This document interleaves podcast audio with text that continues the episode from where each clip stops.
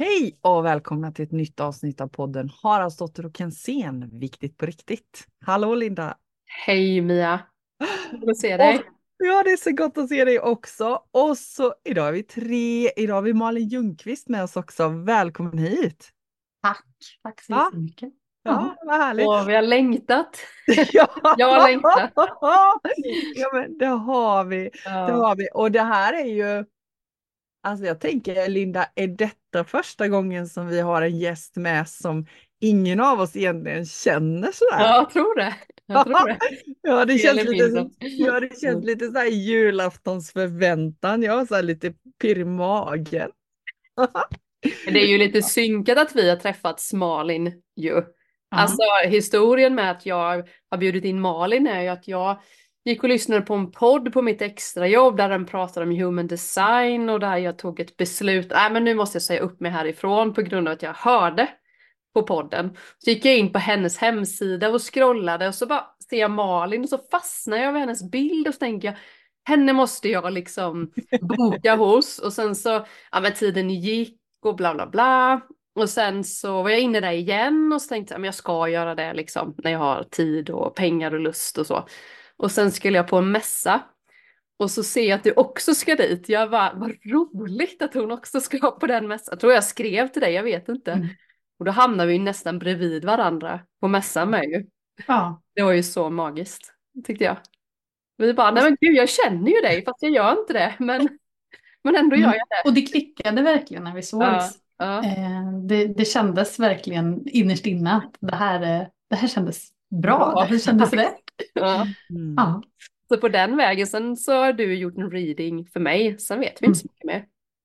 Nej. Så jag, vet, jag vet mer om dig än vad du vet om mig. Ja, så kan man säga. Ja, precis.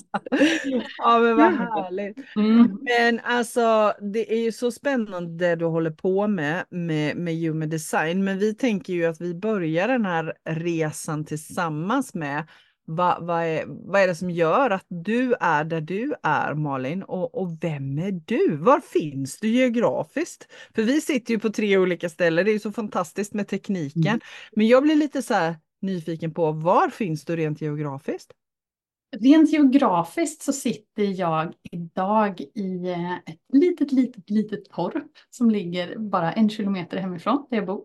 Som jag och min man köpte för några år sedan, som vi kallar Ah. för Sommartorpet. Men eh, Ah, Här sitter jag och jobbar eh, och Mm. tar emot readings eller när jag möter på människor digitalt via Zoom. mm. Eh, och det ligger i eh, tre, vad är det, tre mil utanför Örebro. Så, Mm. eh, en riktig närking så. Och här är jag född och uppväxt, inte just på den här orten, men jag är från Örebrostrakten. Mm. Eh, så att eh, här, ja, här är min lilla, lilla, jag vet inte vad vi ska kalla det, men det är en sån fantastisk plats. Vi köpte den och det är en sån där, vi gör bara saker här när känslan är rätt. Alltså Mm. när, när man har rätt energi, oavsett om Nej, men man åker hit, kanske målar lite, sätter dit en bräda och så här. Och sen kan man ibland kanske inte vara här på en hel månad. Så det, är en, Nej. det är verkligen en liten fristad som man kan ha och bara vara på. Mm. Så det, vi brukar Men- säga det, här ska vi bo sen när vi blir gamla, när vi har växt ur huset och barnen har flyttat ut, då kan vi ha det här som Mm. vårt boende då. Mm. Mm. Men Mm. gud vad härligt och vad, vilken härlig känsla. Men Mm. alltså när jag tittar ut här, jag var tvungen att gå ut och skotta snö i tre timmar häromdagen och jag vet att Linda har säkert också snö hos sig. Har du snö hos dig också uppe i Örebro? Pytte, pyttelite, det ligger, ja vad kan det vara, knappt någon, inte ens en centimeter skulle jag säga. Sen bor ju vi, det är ju Närkeslätten här, så den snö som kommer den blåser liksom bort. Så Mm. Ah. det blir liksom, det blir inte så mycket kvar. Nej. Mm. Men eh, nej, så just nu så är det bara lite lätt pudrigt. Mm. Eh, Ah. Så det är väl Ah. lite lagom också. Hellre det här än slask och blask. Ja men Ja, eller hur, eller hur? Absolut. Ja. Mm. Ja, Men gud vad härligt att ha en sån tillflyktsort och och det känns så lugnt kring dig när du beskriver. Det känns Ja. som wow vad härligt. Ja. Jo men det, är- det är viktigt och det har blivit insikten i mitt liv tror jag är mer och mer hur mycket jag som person eh, Mm. behöver få komma undan och vara själv. Mm. Att faktiskt hitta det här utrymmet. Mm. Ehm, Jag lever ju tillsammans med min man och vi har två barn tillsammans. En som är fem, ja, han precis fyllt sex och en som är elva. Mm. Så det här vardagssnurret med allt vad det innebär så, ehm, så blir det otroligt viktigt att Mm. bara få komma och andas. Sen är det Mm. jättesvårt att få till ibland och man Mm. önskar att man skulle kunna göra det varje dag. Men, Mm. men ehm, det, ja, det blir viktigare och viktigare för mig att faktiskt få en, en stund där man landar i sig själv och hittar hem vad är, vad är jag och vad är alla andra. Mm. Mm. Men du, alltså det jag vet nu är ju, eftersom du har gjort en human eh, design reading Mm. på Linda, är ju att du jobbar med human design. Mm, det Mm. gör jag. Så vad, vad eh, är det det som är din huvudsakliga sysselsättning eller vad, vad Mm, vad gör jag? du? Jo, men jag håller ju sen, jag ska säga så här, jag jobbar deltid eh, så som det är idag eh, i, eh, i skolans värld.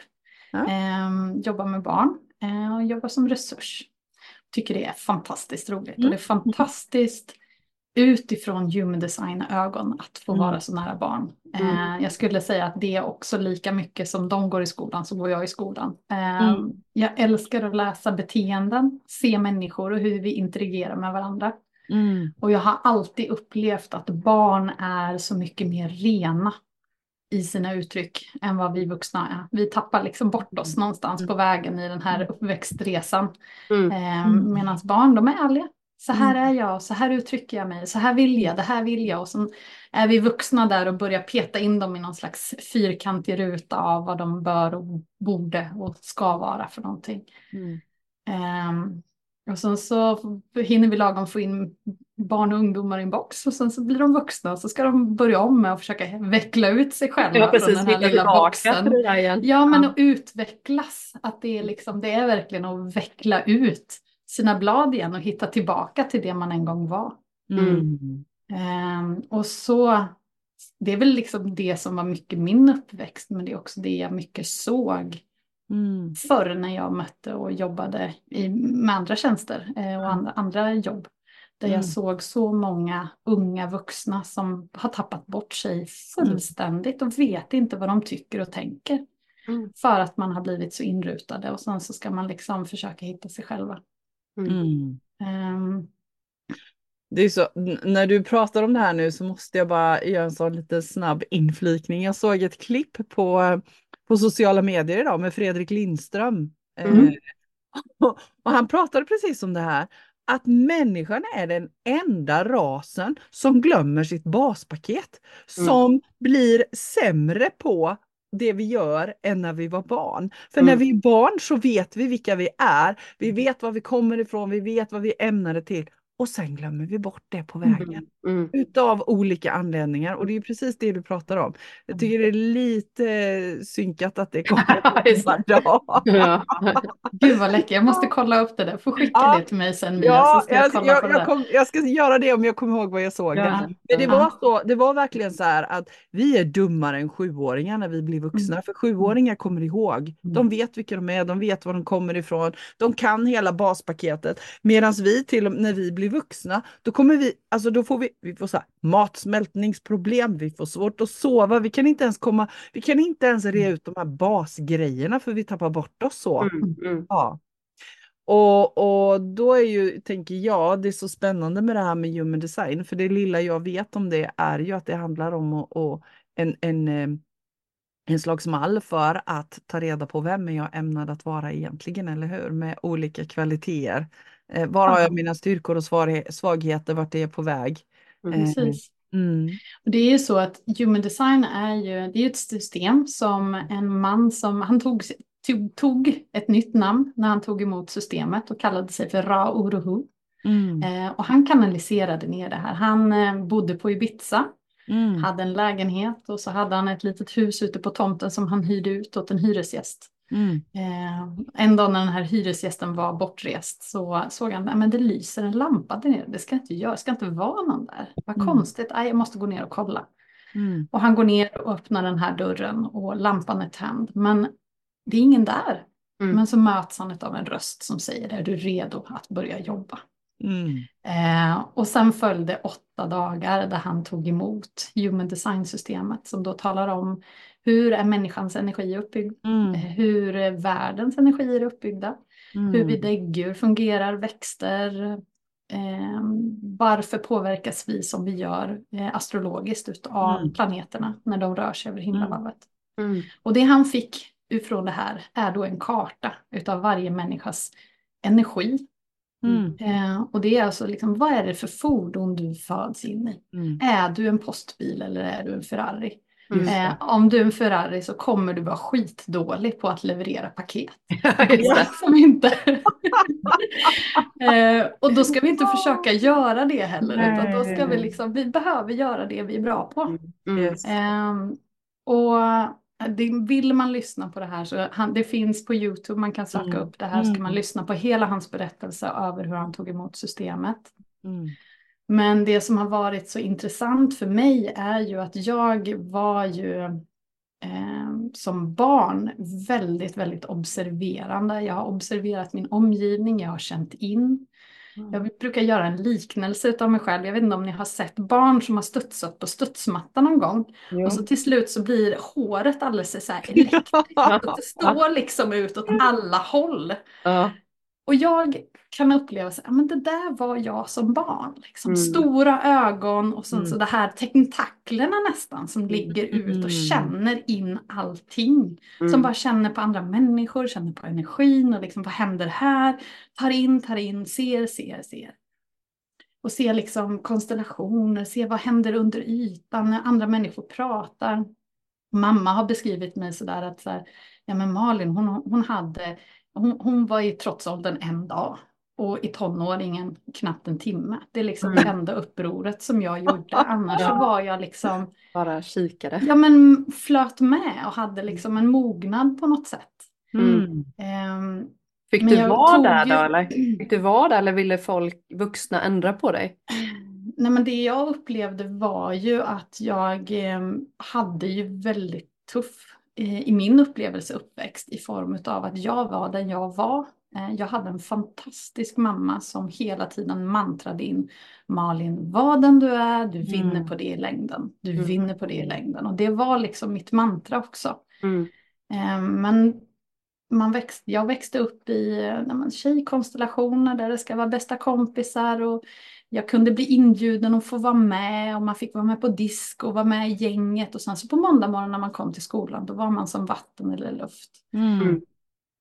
Och det var ju liksom, idag skulle man ju säga att det är en form av mobbing. Eh, Mm, Då av mm. tidigt 90-tal så säger man, jag vet att jag, jag skulle liksom reda i det där själv också. Mm, Jag vet att jag gick mm. och pratade med lärare, jag pratade med kuratorn och de tittade på mig och sa, men Malin det här är inte mobbing. Vi kan prata med tjejerna men det här är inte liksom, det är inget, det är inget Mm. fel. Mm. Ehm, Men, men hade liksom ett jätte, jättestöd hemifrån och sådär. Men, men just det här att jag såg nog ganska Mm. mycket. Och jag såg också Mm. de här fasaderna som många satte upp för att få vara en del av gängen. Och jag var så här, nej men jag kan inte gå och låtsas. Jag kan Mm. inte gå och Mm. inte vara autentisk i vem jag Mm. är. Utan, Mm. Så att det var väl en, en utmanande uppväxt. Mm. För att sen kunna vända det sen i, tonårsåldern och sådär. Mm. Ehm, Så jag tycker nog att jo, jag har nog fått vara den jag är. Ja, Men fint. jag har nog stått på mig ganska Mm. mycket i det också. Mm. Varit in, egensinnig. Jag har alltid behövt göra på mitt sätt. Jag kan Mm. inte göra på något annat sätt. Mm. Mm. Mm. Ehm, Men det är nog också för att jag har ett sånt fantastiskt stöd hemifrån. Tror Just det. Mm. jag. Mm. Mm. Precis. Ehm, Men det blir ju också en drivkraft till, mig när jag möter barn i, idag och Mm. möter människor hur viktigt det är att man måste få vara sig själv.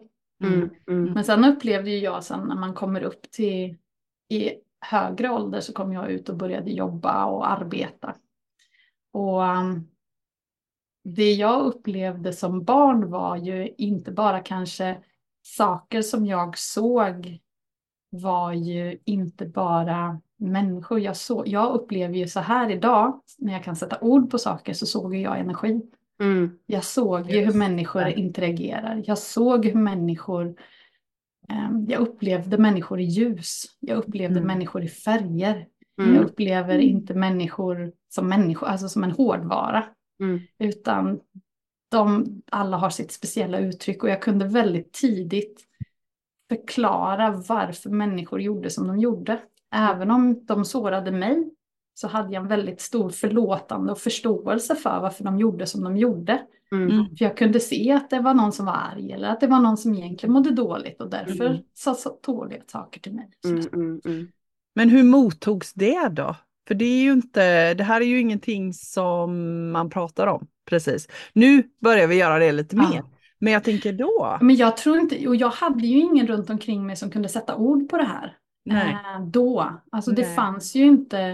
Eh, jag tror ju att som barn så upplever man ju världen från sitt fönster. Mm. Eh, oavsett vilket fönster man har så blir ju det normalt. Mm. Och det spelar ju ingen roll om man lever i världens lyckligaste familj eller om man har en väldigt destruktiv hemmamiljö. Man vet ju inget annat så man har heller inget annat att jämföra med. Mm. Så jag tänker ju att, och där, eftersom man inte pratar om hur olika saker kan vara så tror jag inte Mm. man heller kan säga att saker för mig var något onormalt eller att så här, nej men det är väl så här det är. Mm. För mig låter det som att du fick väldigt mycket input hela dagarna och sen Mm. liksom landade det i dig liksom. Mm. Att, att du behövde något space då förstår jag. För det känns ju som att du, ja det låter för mig som att du tog in väldigt mycket information liksom. Vad Hela gjorde du med det liksom? Var du tvungen att vara tyst då eller kreativ? Nej, jag var definitivt, definitivt inget tyst barn. Jag eh, var, brukar beskriva mig själv som en kreativ själ. Ja. Så att jag var väl den som hittade på saker och gick utanför ramarna. Och Mm. jag tror inte, det skulle vara intressant att gå tillbaka och prata med liksom lärare, men jag kunde säga ifrån. Jag sa ifrån till dagmammor eller till, Mm.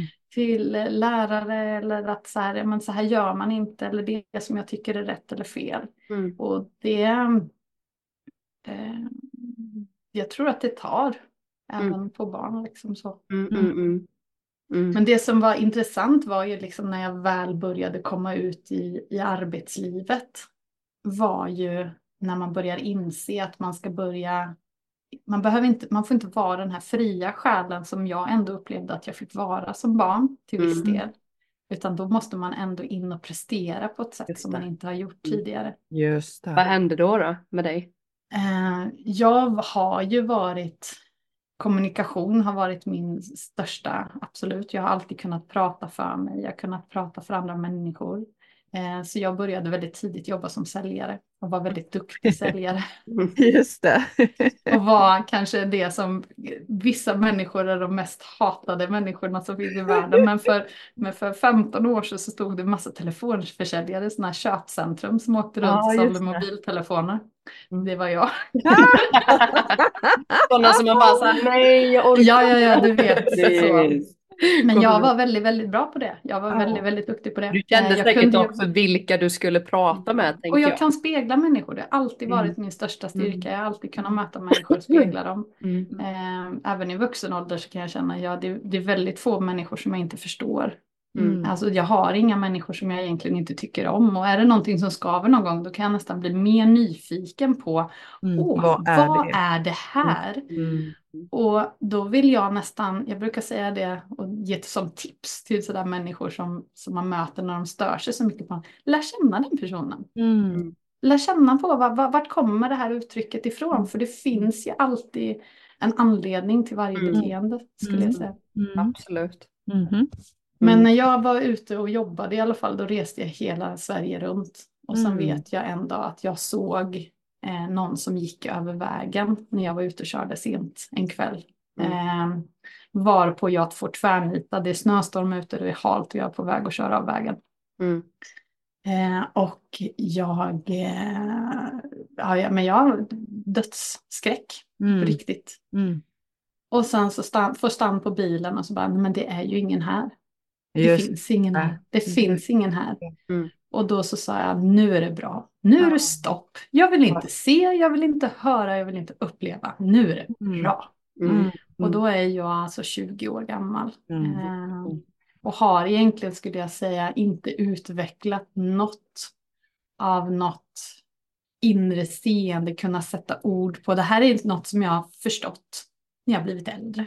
Mm. Men då Mm. förstod jag ju ingenting. Mm. Bara så här, det här vill jag inte vara med om. Just det. Just. Sen gick det tre eller fyra månader, sen så blev jag sjukskriven för eh, gick in ner i jättedjup depression. Mhm. Eh, Som Mm. ledde i många, många år. Där jag också till slut får en bipolär diagnos Mm. utav sjukvården. Mm. Ehm, och är väldigt, väldigt sjuk i sju Mm. års tid. Mm. Oj, det är länge, sju år. Eh, ja. Innan jag verkligen, eller det- och det är ju framförallt mot slutet som jag får bipolärdiagnosen. Innan Mm. dess så får jag behandlas med mediciner, inte så mycket egentlig mänsklig kontakt, får inte så mycket samtal. Eh, får fel typ av mediciner där de bara, mm, bara piller, piller, piller liksom. Mm. Eh, för att lösa, inte för Just att förstå egentligen. Men vad tror du själv då, liksom nu, nu när du tittar tillbaka, vad, vad, vad var det som hände? Nej, men jag tror att jag stängde av Att det var det, det, som som, gjorde dig... det som var hela jag. Mm, du bara, Eh, nu räcker det. Och det då bara, räcker att så här, nej men jag stängde av det som kanske är mina absolut största sinnen, gåvor, förmågor att se och förstå min omvärld. mm, Mm. Eh, det stängde jag ner. Jag vill inte se någon annan människa längre. Jag vill inte uppleva det andra upplever. Jag vill inte känna och förstå. mm, Utan jag bara stängde ner. Mm. Ehm, och jag tror att, att göra det blir väldigt drastiskt. Att vi kan påverka oss själva så otroligt mycket med både våra ord och agerande och tankar. Mm, Att vi faktiskt kan skapa så stora obalanser i oss själva. mm. För mig känns det som att du, skap, du stängde av något flöde, alltså Ja. energiflöde. Ja, Liksom, är min absolut. första Mm, känsla när mm. du säger det. Det blev så här, no, ingen energiflöde kvar. Liksom. Nej, nej. Shit. Vad skulle Vad du hände säga med alla med- medicinerna då? Förlåt, eller? Du måste ju stängt av ännu mer, tänker jag. Ja, absolut. Mm. absolut. Mm. Vad skulle du säga Mia? Nej, men jag blev så nyfiken på, för jag tänker, jag tänker som ni. Jag ser framför mig hur du liksom drar av av-knappen där. Mm. Och så blev jag så nyfiken på, vad tror du? Det här kan vi inte veta. Och Mm. helt klart har du kommit ut på andra sidan, det fattar ju Ja. vem som helst som ser det idag. Mm. Men det jag blir nyfiken på, vad tror du hade hänt om du i det skedet hade mött någon som hade haft den kunskapen Mm.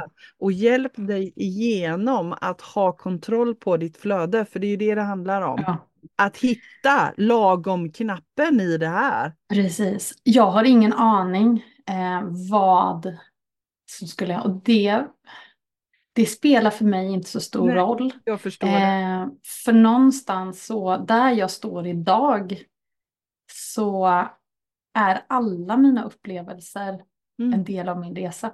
precis. Alltså, jag hade inte varit den jag var idag om jag inte hade haft det. Jag hade inte haft, ehm, hade jag haft kompisrelationer på ett annat sätt när jag växte upp i min barndom så hade jag inte varit den jag var idag.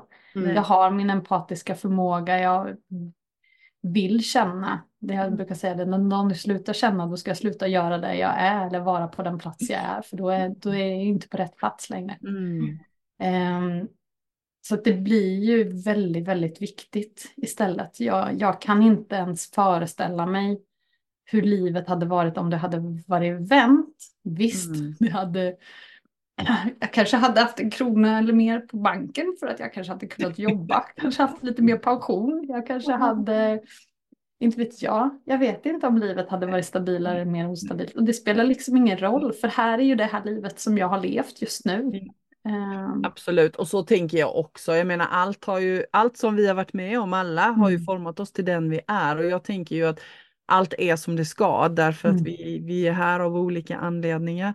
Men jag Absolut. tänker också, det är så intressant hur, vad det gör med oss när, när vi lever så avskärmat som vi egentligen gör och inte pratar om de här sakerna. Mm. Och, och jag kan hoppas för de som är yngre idag, för jag möter ju många ungdomar som är i det där som du pratar om nu, Mm. att det, flödet är så starkt så man vet inte vad man ska göra med det och till slut Mm. blir det bara övermäktigt och vuxenvärlden fattar ingenting. Mm. Så det är lite det jag far efter, att jag hoppas att vi är på väg mot att inte att våra ungdomar inte ska behöva gå igenom det som du har Mm. gått igenom.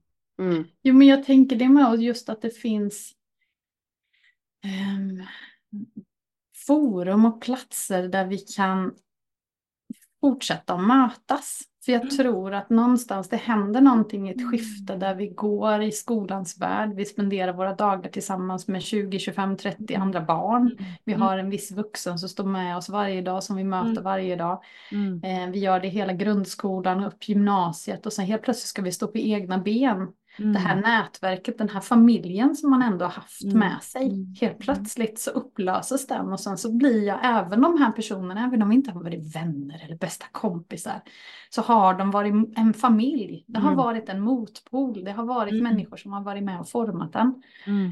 När vi kommer ut där liksom i 20 års ålder så står vi väldigt, väldigt ensamma. Vi står i Mm. något i att möta livet. Ehm, och oavsett vad man har för bakgrund eller vad man får för jobb eller hur livet än ser ut så, så blir inte de naturliga mötesplatserna naturliga längre. Eh, man har inte samma Mm. familj eller grund eller människor omkring sig som man Mm. alltid haft. Det Mm. blir väldigt stora kontraster, tänker jag. Mm. Mm. Mm. Mm. Mm. Men Men om, du, ja, vad skulle du säga? Linn? nej, jag skulle bara säga att man är intresserad av liksom man backar tillbaka där och då igen Mm. när du är Ja. i det. Är du där också Mia? Ja, Eller precis det jag skulle Ja, säga. okej. För då tänker jag också så här, men man blir nyfiken på vad det är som gör att det vänder liksom. Mm. Jo men alltså jag har ju eh, många år av extrem berg och dalbana. Och Mm. ni som inte vet vad bipolär är så är det ju när man går från djupa depressioner till eh, hypomaniska där Mm. man då pratar om att man är hög på livet och hög på sig själv och det går väldigt, väldigt bra och sen så Mm. dyker det ner och sen så är man väldigt, väldigt låg. Ehm, och det här skiftar ju fram och tillbaka eh, väldigt intensivt. Mm. Men ehm, livet skiftar väldigt mycket och jag träffar framförallt min man Mm. som jag eh, känner väldigt så här. Det är nog den första människan som jag möter. Jag träffade väl honom och någon mer där i samma period. där som det kan vara ett tag. Mm. Men, men jag vet att jag valde bort honom först och valde en annan som var jättedestruktiv. Och sen så vet jag att jag gick på en gata på stan och sen så var det så här, men jag, om jag går höger nu, då kommer jag springa in i honom. Mm. Jag visste att han jobbar i det området. Mm. Om jag går rakt fram men går en omväg så kommer jag inte göra det. Mm. Och så bara, "Aj, men hallå, så här kan vi inte hålla på. Janteri liksom. Bara, nu går vi här. Det, Du ville även- gå jag- omvägen liksom. Ja men i, i, egentligen så ville jag gå omvägen fast ändå inte. Det var, det, då, då pratar vi en omväg på sex kilometer. Det är en lång omväg. eh, och sen så samtidigt så här, liksom, vad är oddsen? Han Mm. sitter ju inne på, han har ett kontorsjobb. Vad är oddsen att han ska ut? Mm. Och sen så bara rundar hörnet, kommer tre meter och så bara klonk, du vet, man Ja, går in i väggen. såklart. Så, så helskotta, där stod han. Mm. Och sen så var det ju inte mer, han skulle gå ut och lämna ett brev på brevlådan. Alltså, ja. Mm. Och sen var det så här obekvämt. Så bara, ja ja, mm, hej, mm, kul att ses. Och så gick vi vidare. Och sen så åkte jag iväg på en weekend med den här andra personen och bara kände så här, vad gör jag här? Mm. Det här är helt galet. Det här är helt Mm. galet. Mm. Så jag återtog kontakten med då min nuvarande man och sen så, eh, ja, så träffade vi varandra igen. Sen så spenderade jag sommaren, vet jag här ute, och så läste jag åttonde insikten tror jag den heter. Kan den heta så? Har ni läst den? Nej, den... Jag känner igen Det namnet. är Ja, en ja, ja. jättegammal så här, bok från 80-talet som jag vet så här, tittade på i bokhyllan, i mammas bokhylla när jag var liten. Så här, den här Mm. skulle jag, vad är det här för bok? Mm. Den hade jag liksom lyckats få tag i. Och Mm. den handlar ju om att det var ju kanske den första andliga boken som jag egentligen någonsin läser i vuxen ålder. När jag var barn så läste jag tarotböcker, jag läste astrologiböcker på bibblan. Jag liksom så här, det, det var det jag läste när jag fick välja Mm. fritt. Mm. I vuxen ålder så var det här första boken som jag, eller någonting konsumerar som egentligen är andligt. Och då vet jag att jag sitter där på den där altanen och bara, om jag väljer mig själv, Mm. om jag väljer mig själv, om Mm. jag lär mig älska mig själv, så Mm. kommer jag kunna få bo här, leva med den här mannen. Mm. Men jag kan inte fortsätta så som jag har gjort. Mm. Wow. Och han är också en sån människa som egentligen inte bekräftar andra när man söker bekräftelse. Mm. Vilket är väldigt, väldigt nyttigt för någon som har sökt bekräftelse hela sitt liv. Mm. För helt plötsligt så insåg jag väldigt tidigt att ska jag bekräfta, få liksom en tillbaka över att jag har gjort något bra, då måste jag göra det själv. Mm. Ehm, Men hur gammal är du här? Hur gammal är du när du Då är jag ser detta? 25, så då har Ja. jag haft fem år som har varit jätte, jätteturbulenta. Jag är Mm. fortfarande väldigt, väldigt ung. Mm. Eh, och det går ytterligare två år innan jag får min bipolärdiagnos. Mm. Och eh, i samma veva då så börjar vi prata om att vi ska skaffa barn, jag och min man. Mm. Och då var jag så här, nej men då kan jag inte leva så här, jag kan inte hålla på så här längre. Mm. Eh, så jag söker hjälp från vården och får ofantligt bra hjälp. Mm. Faktiskt. Mm. Jättebra hjälp. Men jag, den största hjälpen är att jag lovar att inte längre ljuga för mig själv. Just. Och inte ljuga för någon annan. Mm. Wow. Eh, wow. Det är det bästa vi kan göra. Att liksom verkligen stå i vad behöver jag hjälp med? Vad är det som jag gör som är destruktivt mot mig själv och Mm. min omgivning? Mm. Och, och vad, vad hittade du då? Har du något så här konkret exempel? Så? Vad, vad var, I vilka situationer var du inte sann mot dig själv? Nej men jag var inte sann i min verklighetsbild överhuvudtaget. Allt ifrån Mm. hur mycket pengar jag hade på kontot till vad Mm. jag orkade, till vad, vad liksom kroppen sa är rätt, att det var rätt eller fel. Mm. Att gå in och göra saker för andras vinning. Mm. Vården beskriver ju mig som väldigt unik i min bipolaritet, för jag hade ju hackat systemet. Så man brukar prata om så här tidiga tecken, Eh, alltså att så här, man kan se väldigt tidigt att om man börjar med vissa saker så vet man att nu är jag på väg in i en hög period för att man börjar kanske spendera för mycket pengar eller man börjar sova för lite på nätterna och sådana grejer. Mm. Jag använde det som ett trollspö istället och visste, okej, men om jag går ut och shoppar kläder och så sover jag fyra timmar per natt, då vet jag att jag kommer vara hög och ha jättemycket energi till helgen. För då har jag liksom triggat igång mitt Ah. beteende. Mm. Men då visste jag också att då har jag fyra dagar som jag kommer vara jättelåg på, Ja, som jag dippar. Mm. Så att du vet, istället för att ta det här och använda det som, som att nu måste jag varva ner, så kunde jag liksom styra mina egentligen depressioner. Just. Jag visste hur mycket energi jag hade. Jag visste när jag skulle trampa ner, när jag skulle ramla över och när det blir för mycket och när jag inte orkar mer. Mm. Så för mig handlar det mycket om att ändra tankesätt och arbetssätt. Det Mm. jag redan gjorde fast jag behöver göra det på ett hälsosamt sätt istället. Mm. Utgå från mig själv. Istället för att försöka pusha in mig själv och fungera utifrån livet så låter jag att livet ska ju funka utifrån hur jag ser ut. Mm. Mm. Mm. Ehm, Men det intressanta var ju att jag fick ju min diagnos och de rekommenderade ju att jag skulle få en viss medicinering. Eh, och då så tänkte jag så här, ja men nu, men det här är ju det här är ju inte bara en depression. Vi skippar det här skaffa barn-historien för det blir inte bra. Mm. Eh, och sen gick det ju en vecka och då insåg vi att jag var ju redan gravid. Ja, just det.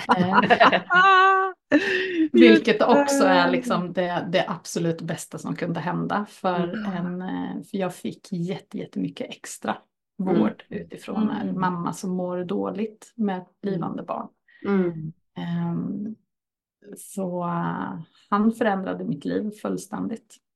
Och sen han föddes så har jag inte haft en enda depression. Nej. Men började du medicinera då? Eller vi du? vi ja. gjorde det sen när, jag, när, han, eh, när han hade födits så Mm. började jag medicinera. Mm. Ehm, Jag fick ju förlossningsdepression. Sen, det spelar ju inte så stor roll egentligen vad man sätter för vå- vårdens epitet på saker. Det är ju bara symptom. Men jag Mm. mådde väldigt, väldigt dåligt efteråt. Mm. Ytterligare det här samhället lägger krav eller föreställningar om hur ska man se ut och hur ska man agera, hur ska man vara som mamma, att man ska amma och man ska, det ska vara så här och barnet ska vara så här och så här ska det vara. Och, Mm. och att, att vi inte får lyssna in till liksom min egen rytm Mm. och barnets rytm utan vi stördes i rytmen egentligen från yttre omständigheter. Mm. Um, men uh, vi gjorde ett jättejobb och sen så är det nu i år så är det sex år sedan som jag har, slut, har varit medicin, medicinfri. Mm. Um, och för sex år sedan så stod jag inför att åka iväg på en möhippa. Och på den här möhippan så skulle det komma ett medium. Och då stod jag också inför ett sånt här stort vägval som var för mig, precis som den här gatan. Liksom, så här. Och då var det så här, åker jag på det här nu så kommer jag öppna upp något mm. som jag inte kommer kunna stänga igen. Mm. Mm. Så antingen så åker jag eller så åker jag inte. Oj, mm. spännande. Vad hände? Vad hände? det var kanske en av de mest intensiva upplevelserna som jag haft i hela mitt liv. Mm. Um, vi, um, mediumet där, hon um, förmedlade jättefina budskap till många som var där. Men jag kände till 2000 procent allt som pågick i det här rummet. Mm. Och jag vet sådär på slutet, du vet jag bara störtgrät. Det bara mm. grät floder. Det var, och det var mm. liksom den här hulkande barngråten som kom liksom inifrån en innersta kärna. Liksom. Mm. Mm. Um, och jag, uh, jag vet när hon skulle liksom så här, men nu tror jag jag börjar bli klar. Jag bara, Fast det finns mer. Jag känner att det står så mycket mer och väntar här. Mm. Som inte har kommit ut. Jag har det, men jag kan inte använda det. Jag kan inte sätta ord på det för jag hade inga verktyg överhuvudtaget. Mm. Um, Tappade hon upp det då, mediumet? Att du liksom... Hon, hon, vi pratade lite grann efteråt. Mm. Eh, jag var väl inte riktigt mottaglig där och då mm. och liksom mm. känna att, så här, mm. Att prata vidare. Men eh, jag vet i alla fall ett halvår senare så träffade jag en vän till mig som under flera års inte kontakt som har utvecklat sig och eh, är idag schaman Eh, och vi hade väldigt, väldigt fina samtal och liksom på något sätt så öppnades det här för en mm. helt ny resa. Och jag har mm. upplevt att det är nästan som att under den här tiden varit saker som har stått och väntat på att få börja jobba. Mm. Att få komma ikapp, att komma ut och liksom nu ska du ta de här erfarenheterna du har haft mm. mm. och verkligen få en förståelse. Wow. För det där gråtet du pratar om, det, det, får jag en känsla av att det är den här att äntligen, alltså det var någon sån att komma hitta hem. Jag hittade hem, jag hittade liksom. hem. Det var, det var liksom, det mm. var som att, att jag koppla samman mm. det som jag en gång separerade från mig själv. Du vet, jag hade ju liksom tagit den här jäkla kniven eller svärdet och bara slungat mig själv i tur. Mm. Alltså jag hade ju kopplat bort hela min själ. Mm. Det mm. som är jag. Mm. Och så återknöt du det nu. Ja. Wow, så vackert. Jag ser den här bilden av, jag får så här, va, min bildliga hjärna, avatar, när man kopplar ja. ihop det. Ja, just det. Och så kopplar man ihop det med den där eh, som de åkte på. Ja, men absolut, och det det verkligen, jo men det var, mm. alltså det var, det var väldigt, väldigt speciellt, det var väldigt fint. Mm, wow, ehm, vilken Hur gammal är du nu då liksom från att? Um, det här är ju, då är jag ju runt 30, vad blir jag, 32, 33? Just det, mm. det är några år du verkligen har stängt av då. Mm. Ja, så det, är, det, är över, det är över tio års tid som jag mm. har och jag, jag kan ju uppleva idag att jag menar, eh, jag är ju långt från så pass uppkopplad medialt inkännande som jag var när jag var barn. Mm. mm. Jag har ju inte mina visuella förmågor på samma sätt som jag hade då. Mm. Eh, då behöver jag nog lägga mer jobb på det. Jag har inte gjort det. Eh, mm. jag har, jag, det, var, det, är annat som har svarat an i mig. Mm. Jag vet att det finns där och när tiden är mogen så kommer det vara dags för det. Liksom. Ja, det är ingen stress. Nej. Men eller hur, men gud vad vackert. För jag antar att efter den här upplevelsen så när du kopplar hem igen, när du kommer hem igen, mm. så, så händer det saker med dig. Är det där du plockar upp human design? Human design kopplar ju jag egentligen så sent på, eller möter egentligen för, är det lite över tre år sedan.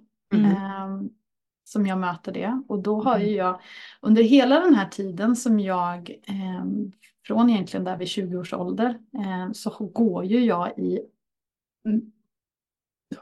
jag ska inte säga hundratals, men väldigt, väldigt många olika typer av terapier. Det är med liksom kuratorer och det är psykologer och det är gruppterapi.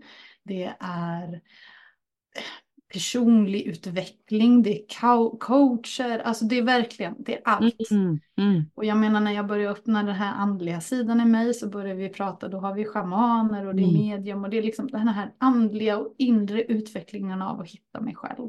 Mm. Och det som är så häftigt är ju då när jag möter human design för första gången och får ut min karta och tittar på eh, vad den säger mig. Då ska jag säga att jag tror aldrig att vi kommer vara färdiga. Vi kommer aldrig liksom förstå oss själva till 100% och vara färdiga. Men jag skulle säga att jag, jag känner mig själv ganska bra idag.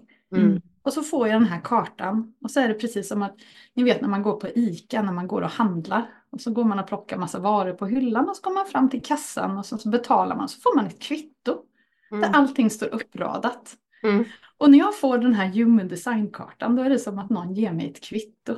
Mm. Bara så här, jaha, nej men här har vi rädsla nummer ett, så har vi rädsla nummer två och så har vi det här skitdåliga beteendet nummer tre och så har vi det här. liksom, du vet, det var bara att bocka av mm. varenda liten nyans av vad som jag har jobbat, ursäkta mig, arslet utav mig.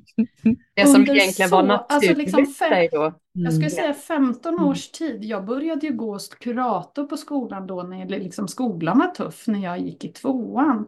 Mm. Så här har jag liksom jobbat hela mitt liv för att förstå mig själv. Mm. Och så får jag det här i handen och så bara, det här är orättvist. Det här är svaret. det är så jävla ursäkta. Det är så väldigt, väldigt orättvist. Ah. Att, så här, varför kunde inte kunde någon ha guidat mig?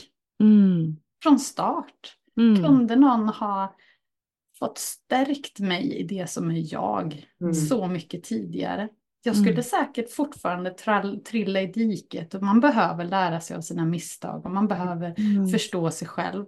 Men mm. vissa saker behöver vi få möjlighet att utforska på vårt eget sätt. Mm. Eh. Acceptansen oh, i ah. att bara så här, jaha, det här är någonting som är naturligt för mig att känna mm. rädsla över, att jag inte behöver eh, ljuga för mig själv, jag behöver inte ljuga och liksom låtsas att jag är tuffare än vad jag är, utan bara acceptansen i att det här tycker jag är läskigt. Vad mm. skönt det är och hur axlarna bara sjunker mm. liksom.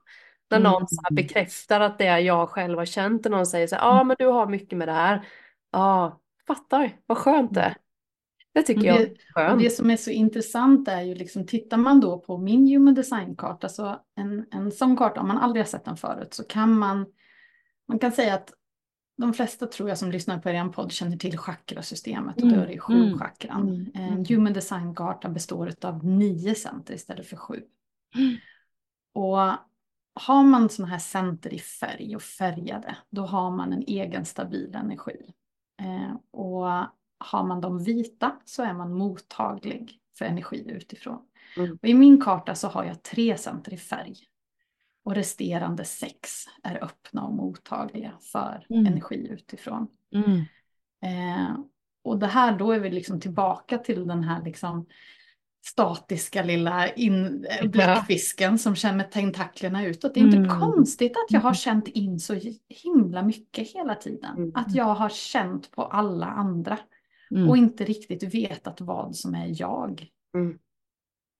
Um, så det var så liksom, det är, så, det är ett sånt otroligt visuellt system som, mm. som säger så mycket så att man verkligen kan se även om man jag skulle säga att det finns många system som man kan gå in och få likheter och man kan så här, många säger samma sak, det här är ett återkommande, men här det ligger på svart på vitt. Jag föddes mm. så här, det här, mm. är, det här är jag.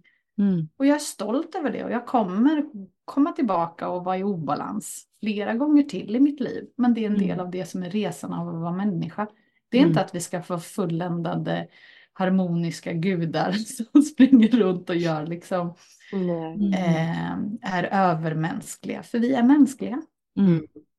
Just här och nu i det här mm. livet så är vi människor.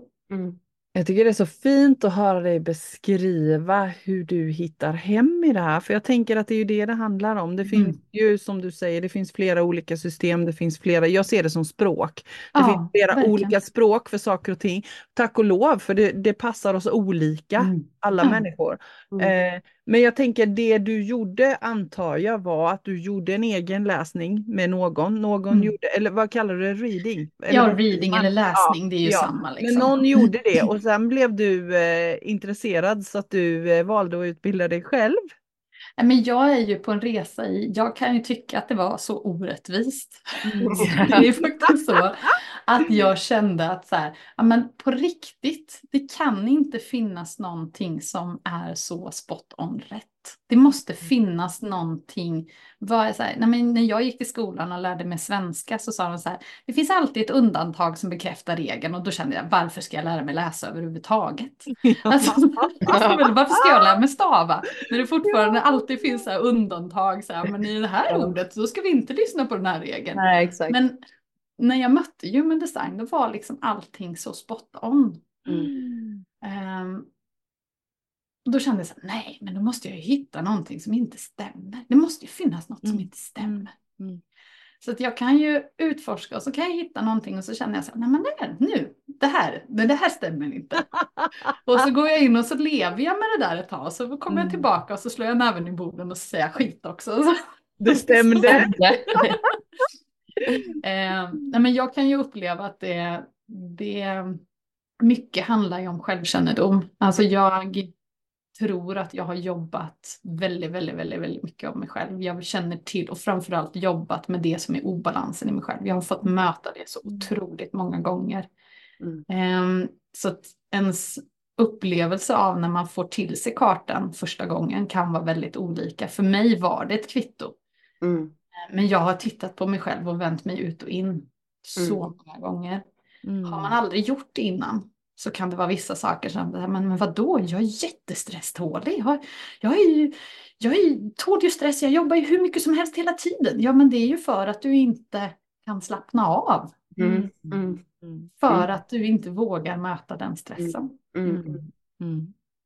Så Wow. det finns ju, ja, nej, men det är väldigt spännande. Det är väldigt eh, intressant tycker jag. Så att jag är på den resan egentligen och just nu så är jag bara, jag måste sprida det här. Folk Mm. måste få möta det och Mm. förståelsen som har blivit mellan mig och min man. Alltså när jag förstår vad är våra skillnader, vad är våra likheter, varför dras vi till varandra, vad, är det, vad gör han med mig som gör att jag jordar mig så mycket. Mm. Han är ju till skillnad från mig som jag är väldigt vit, så har han väldigt mycket färg, han är väldigt stabil. Det, Mm. det händer inte så mycket liksom, han, han är ganska statisk, Mm. eh, vilket landar väldigt fint i mig. Mm. Men det är ju lite som, ja men både du och jag Mia, vi har ju också testat på olika saker och försökt förstå oss själva med olika Mm. språk som Mm. astrologi, numerologi, medial utveckling, Mm. yoga, samt, ja men du vet allt. Mm. Och hur man än vänder och vrider på det så har jag ju fått en astrologikarta läst. Nu fick jag en av dig ju, human design, numerologi, eh, vanlig medial vägledning. Så hittar man ju ändå likheterna i, Mm. Mm. i allt. Och då, då kan jag ju inte sluta tänka på att men varför går jag då till ett extrajobb som är fyrkantigt instängt när alla de här grejerna säger till mig att du är en vad nu jag var, någon sån här som måste ta in saker och transformera om för att jag ska Mm. funka. Det var då jag kände när jag hade det extra jobbet att så här, Det var då du sa upp dig. va? ja, för jag tänkte så här, nu har astrologin sagt det. Human Ja. design har sagt det, medial vägledning har sagt det, numerologi säger det, Maya-kalendern säger det och ändå så står jag här i en fyrkantig låda Mm. och viker kartonger. Liksom. Jag bara, det var blev så här, nej men nu måste jag ju sluta. Liksom, för att det är just det liksom att landa där som är bäst för mig ju. Precis som du säger med din, att det blev ett kvitto liksom, när man får känner man så här, det kan ju göra lite smärtsamt ibland för att det kanske är att omvärlden ser inte ut riktigt så som det där kvittot. Jag köpte visst bananer fast jag skulle haft äpple liksom. Alltså, förstår. Ja, men också så har man läst i alla tidningar hur jäkla nyttigt det ska vara med bananer. Ja. Mm. Man vet att liksom, tidningarna säger det är Mm, nyttigt med bananer, mm, köp mm. bananer, köp bananer. Och så står man där och så bara, jag vill ha äpplen. Mm, Så bara, mm. nej, fast alla säger ju att bananer är så himla bra. Och så kommer man hem med bananer som man inte tycker om. Men man tar det bara för att alla andra säger att det ska vara så.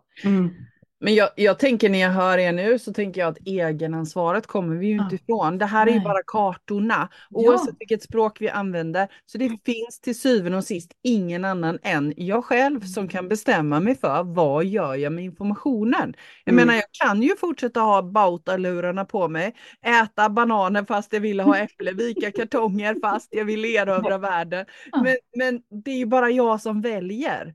Mm. Men jag tänker också att alla de här metoderna är ju så bra för att vet jag inte vem jag är eller vart jag ska eller jag har en känsla för att oh, det känns så här i mig och så får man det bekräftat när man gör en sån här läsning. Då är det ju fantastiskt. Men jag Mm. måste ju till syvende och sist göra jobbet själv. Exakt. Mm. Mm. Mm. Och det som är det intressanta med human design, eh, det är ju att det är väldigt många av våra uråldriga traditioner som ligger Mm.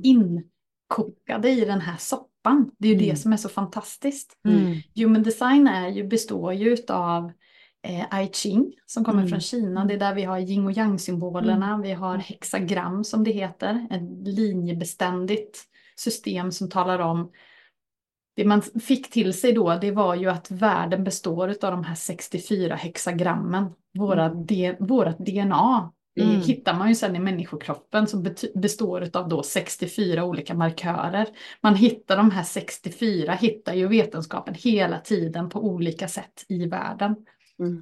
Eh, vi har ayurveda-systemet från yogatraditionen, eh, kabbala från jud eh, judiska traditionen och sen är ju astrologi också med. Mm. Så att alla de här delarna är ju med och skapar det som är human design. Det som Ra fick till sig, det var ju att varje sånt här system har kommit till mänskligheten i olika tider Mm. i, i världen. Att Mm. mänskligheten har varit redo att ta till sig viss typ av information och behöver lära och förstå hur den ska Mm. utvecklas till nästa steg. Mm. Ehm, och det som skiljer framförallt human design mot astrologi, det är att i astrologi då har man sin tidsmarkör när du föds. Eh, I human design så plockar vi en tid när du föds, men sen också en tid som är tre månader innan. Och det är alltså den tiden som human design säger att du får din inre kompass. Det är då du har din själ och det som är ditt inre varande. Och sen Mm. har du din personlighet som föds vid din födelsetid. Och på så sätt skapar det här tillsammans då den här human design-kartan. Mm. Ehm, jag tror ju att vi mår alla bra av att utforska och hitta det system som vi dras till, som vi känner att vi har en längtan till. Mm. Och jag säger ju det till alla de som gör, gör readings, att ingenting av det jag är, säger är sant. Utan du ska känna själv, Mm. vad är det som landar sant i dig? För det är det Mm. som är det viktiga.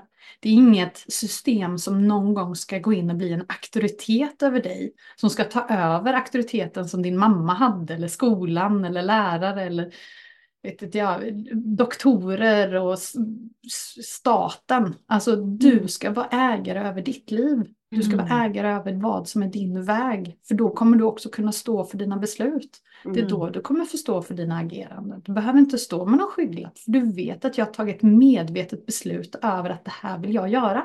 Mm. Den här upplevelsen ska jag ha. Oavsett om det går käpprätt åt fanders. Eller om jag lyckas så är det en erfarenhet i det här som jag ska ta mig igenom. Mm. Ehm, Så att det finns ju väldigt, väldigt läckra mekanismer skulle jag säga Mm. att, att, liksom, att titta på. Det Ehm, känns ju att som astrologin också, att det finns oändligt mycket Ja. man kan. Mm. Om man är intresserad liksom, så finns det hur mycket som helst. Känns det som. Verkligen. Det är Mm. spännande ju. Men så Hur fint. ska vi hinna med det här Mia? Ska vi lära oss det här med, tycker du? Ja men absolut. Man känner ju det direkt, igång så här bara, okej nu måste vi stänga av så jag kan boka en tid med jag Malin för human design reading. Ja, men, men alltså jag tänker faktiskt, för klockan tickar iväg här så jag tänker vi Mm. ska knyta ihop säcken.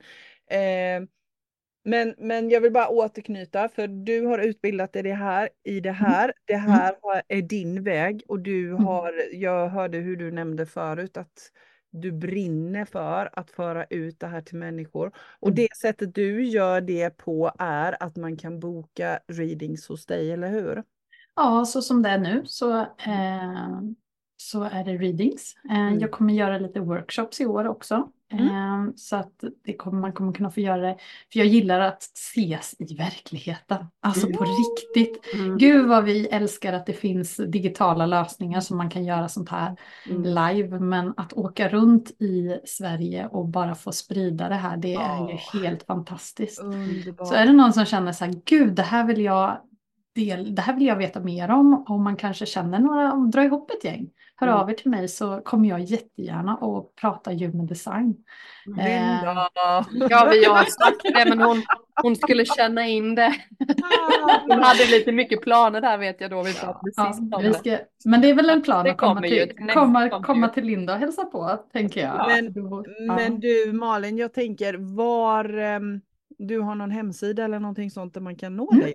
Mm. Absolut, man kan gå in på jinja.se. Mm. Sen finns jag på Instagram på jinja eh, from heart, men man kan söka på Malin Ljungqvist så Mm. hittar man dig, mig där Och jag också. tänker Linda, det där tar du eh, och Ja, vi klipper in det i texten vi också. klipper in det i texten. Mm. Eh, och så fantastiskt fint att få höra din berättelse om vad human design betyder för dig. Och innan vi slog på mikrofonerna så var vi ganska övertygade om att vi måste nog göra fler program med Malin. För nu är vi ju alla så vi sitter på tånaglarna, åtminstone jag, för att få veta mer om själva tekniken human design. Nu har vi fått en fina, fina berättelsen. Tack från, från hjärtat Malin Mm. för den. Mm. Vad det är som gör att du brinner så för det du gör. Men nu är vi nyfikna på att höra mer om vad human design är. Så vi kommer att bjuda in dig fler gånger. Det är jag, jag vågar svara för dig också Linda. Absolut, det var det vi kände innan ju. Mm. Yes. Yes. Gud vad roligt. Mm. Ja, och jag kommer mer än gärna tillbaka. Ja, vad och berätta mer. Mm.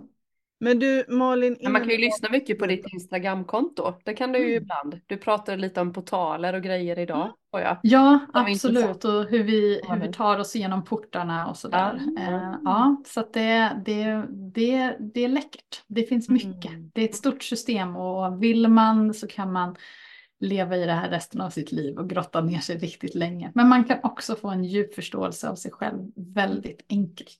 Mm. Så ja. Så det jag skulle vilja avsluta med Malin är bara, Mm. eh, finns det någonting mer som du känner så ja men det här vill jag gärna dela med mig av eller det här hade jag gärna velat säga innan vi knyter ihop och avslutar? Oj. Eh, jag skulle väl vilja, alltså kanske det som mamma sa till mig till, när jag var liten. Alltså, var dig själv, för du vinner Mm. på det i längden. Mm. Wow, så Det, det, det, det behöver inte vara mer svårare än så. Mm. Och att, att hitta det som är du. Mm. Mm. För det finns ingen annan som du. Det är en klyscha kanske. Att vi, men vi kan inte tjata sant. ut det. Det finns ingen annan som du. Mm. Och du ska göra det du gör. Och så Mm. kan jag göra det jag gör. Och då kan vi komplettera varandra och så tar Mm. vi oss framåt. För när vi börjar försöka vara någon annan då tappar vi bort oss själva och hamnar någonstans där vi inte ska vara. Jättefint sagt. Så fint. Det var så mycket kraft i det kände jag. Ja, ja men det, det bara så landade in som bomull. Så Så går ner till mina barn tror jag nu och skrika det. Precis, skriv det på kö- Ja, kylskåpet. Ja. Fantastiskt fint att få ha dig med Malin och jag ser fram emot nästa gång som Mm. pratar human design. Gud vad roligt. Ja, tack. Vad härligt. Mm. Tusen tack och tack Linda och tack, Tack till alla som lyssnar och eh, ha det så bra. Detsamma. Hej hej! Hej då! Hej då!